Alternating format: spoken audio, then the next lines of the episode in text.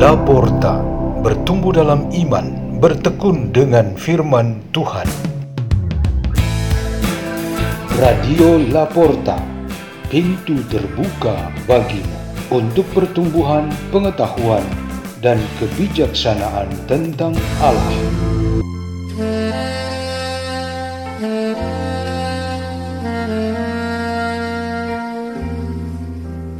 Bacaan dan Renungan Sabda Tuhan Hari Sabtu, Pekan ke-13, Masa Biasa, 2 Juli 2022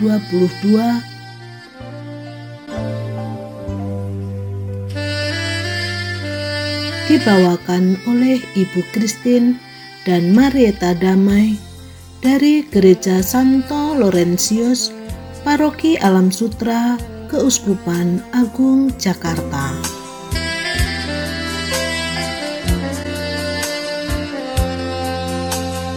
Inilah Injil suci menurut Matius bab 9 ayat 14 sampai 17.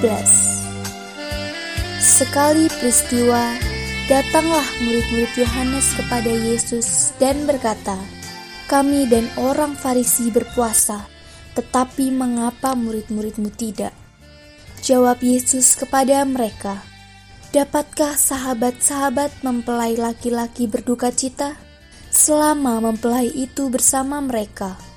Tetapi akan tiba waktunya mempelai itu diambil dari mereka, dan pada waktu itulah mereka akan berpuasa.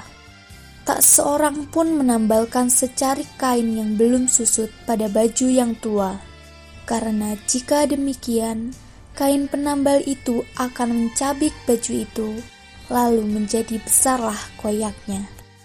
Begitu pula anggur yang baru tidak diisikan ke dalam kantong kulit yang tua, karena jika demikian, kantong itu akan koyak, sehingga anggur itu terbuang dan kantong itu pun hancur. Tetapi anggur yang baru disimpan orang dalam kantong yang baru, dan demikian terperihala kedua-duanya. Demikianlah sabda Tuhan.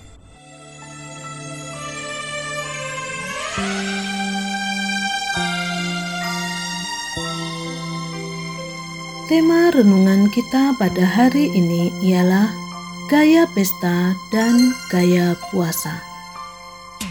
Sebuah pesta membutuhkan kehadiran orang-orang yang merayakannya. Dari tengah keadaan kehidupan tidak adil yang dialami orang-orang beriman, Nabi Amos memberikan pencerahan bahwa perubahan akan terjadi dan kehidupan akan menjadi lebih baik.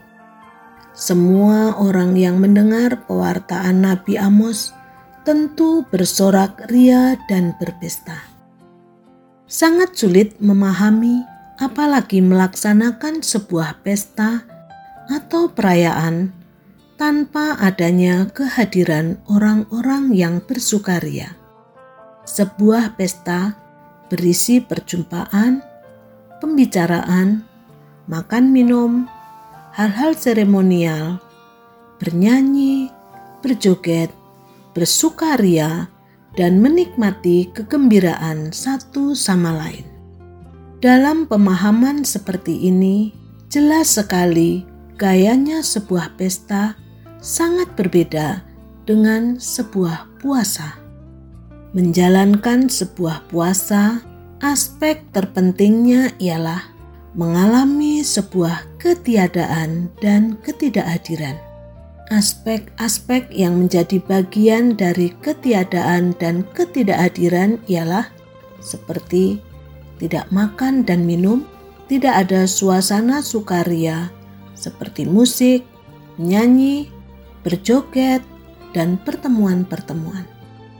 Ada suatu pemahaman bahwa yang maha tinggi sebagai pihak yang ditujui kegiatan puasa itu tidak dekat dan hadir bersama manusia, sehingga dengan puasa manusia memiliki kesempatan untuk lebih fokus mencari dan menjadi dekat dengannya.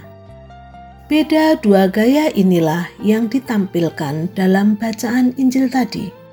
Murid-murid Yohanes dan orang-orang Yahudi pada umumnya tidak menyadari bahwa Yesus sebagai Tuhan sedang berada bersama mereka. Mereka menganggap Tuhan sangat jauh.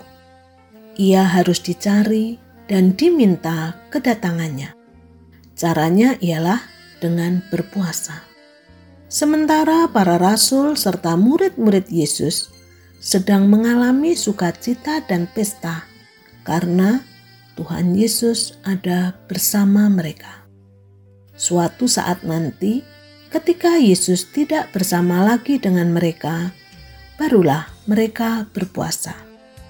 Dan bagi kita saat ini, puasa tetap penting, demikian juga pesta gereja telah memberikan kesempatan yang teratur bagi kita sebagai umatnya untuk menjalankan semua itu sesuai dengan waktunya. Puasa personal sering menjadi pilihan ketika orang ingin melakukan suatu latihan rohani tertentu. Pesta juga dilaksanakan baik secara bersama maupun personal sebagai kesempatan merayakan kehadiran bersama Tuhan dan manusia. Pokoknya, masing-masing dijalankan dengan baik, teratur, dan tidak boleh dicampur adukkan. Hormat dan mendukung sesama yang berpuasa atau pesta sangat dianjurkan untuk dilakukan. Dengan demikian, dapat dihindari perbuatan mengganggu dan intervensi tertentu. Marilah kita berdoa dalam nama Bapa dan Putra dan Roh Kudus. Amin. Ya Tuhan Yesus Kristus, kami ingin mengikuti dengan patuh ajaranmu tentang berpuasa dan bermati raga. Maka kami mohon, semoga kami dibimbing selalu di dalam rohmu, untuk dapat menjalankan disiplin hidup rohani dalam mencapai kesempurnaan seperti yang Engkau kehendaki terjadi pada kami. Salam Maria, penuh rahmat Tuhan sertamu. Terpujilah engkau di antara wanita, dan terpujilah buah tubuhmu Yesus. Santa Maria, Bunda Allah, doakanlah kami yang berdosa ini sekarang dan waktu kami mati. Amin. Dalam nama Bapa dan Putra dan Roh Kudus. Amin. Radio Laporta, pintu terbuka bagimu.